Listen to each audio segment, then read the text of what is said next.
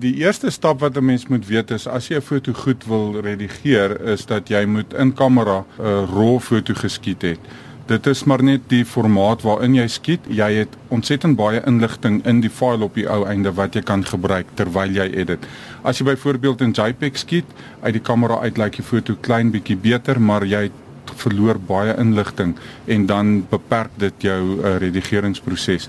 Ek het hierdie foto nou oopgemaak in Adobe program Lightroom en die eerste ding wat ek gaan stel is om die beligting te stel. Dan stel ek die kontras net om 'n bietjie 'n verskil tussen die skadu's en die highlights te kry. Ek gaan die black point 'n bietjie donkerder stel en dit het die effek dat die foto so 'n bietjie pop en dan trek ek die whites oop. Ek het natuurlik 'n waarskuwing wat ek op my skerm sit.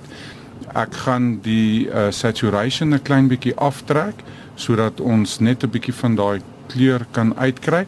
En nou is die foto gereed om na Photoshop toe te gaan sodat ons bietjie gaan werk aan haar vel. Nou hierdie is 'n pragtige model wat ek baie gebruik. Haar naam is Lirine. Sy het nie veel werk op haar vel nodig nie. Ons doen dit nou maar net uh omdat 'n foto soos hierdie dalk vir 'n voorblad gebruik sal word. So ons is nou in Photoshop en ek gaan nou aan haar vel werk. So ons gaan nou 'n kopie layer maak. Hier aan die regterkant kan jy sien dat daar twee fotos dan bo op mekaar is. Ek gaan hierdie twee fotos nou meng met mekaar. Dit gaan nou baie snaaks beginne lyk. En ek is nou maar net besig met voorbereiding om die uh, vel sag te maak. Nou gaan ons 'n filter op hom sit wat dan die sagtheid gaan uitbring. Daar kan jy al klaar sien, maar nou is alles sag, die hare en die klere en alles is sag. Ja. Dit help nie jy maak net die vel sag nie, jy moet so 'n bietjie van die oorspronklike tekstuur moet jy inbring en dit is wat ons nou gaan doen. Ek gaan nou net die ding baie meer gebalanseerd laat lyk. So wat ek nou doen is ek haal hierdie uh, sagtheid wat ek ingesit het in die vel, uh, haal ek uit al die kontraste, haal ek dit uit sodat dit nou 'n uh, meer skoon foto is. Dan sit ons 'n masker hierop. Hier kan jy sien is hierdie uh, swart masker en ek vat nou 'n kwassie en jy sal nou sommer sien wat gaan gebeur. Um oral waar ek verf, blok ek nou die effek net O, dan op die regterkant van die skerm, dit wat hy tans op die foto doen, verskyn dan in hierdie klein swart blokkie. En dit is nou maar net soos 'n masker wat jy oorsit.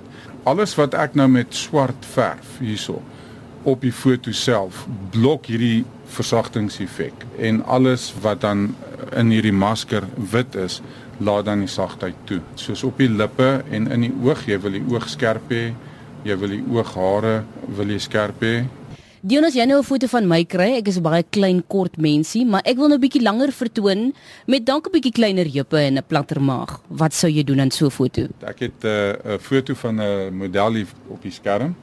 Die vinnigste om iemand 'n uh, bietjie langer en maarder te maak is eintlik om hulle net langer te maak. So ons het 'n funksie uh wat ons hier kan gebruik en daar rek ek die meisie langer met omtrent 5%. Dus jy kan nou nie te veel nie want dan lyk dit onnatuurlik. En dan as jy verder wil dingetjies doen, dan maak ons 'n filter oop in Photoshop wat ons noem die Liquify filter. Nou hierdie is 'n 'n vreeslike oulike filter want jy kan so baie doen, maar is ook 'n gevaarlike filter as jy te veel doen. Maar net 'n bietjie hulp. So hierdie meisie kan ons nou byvoorbeeld haar maag 'n bietjie kleiner maak.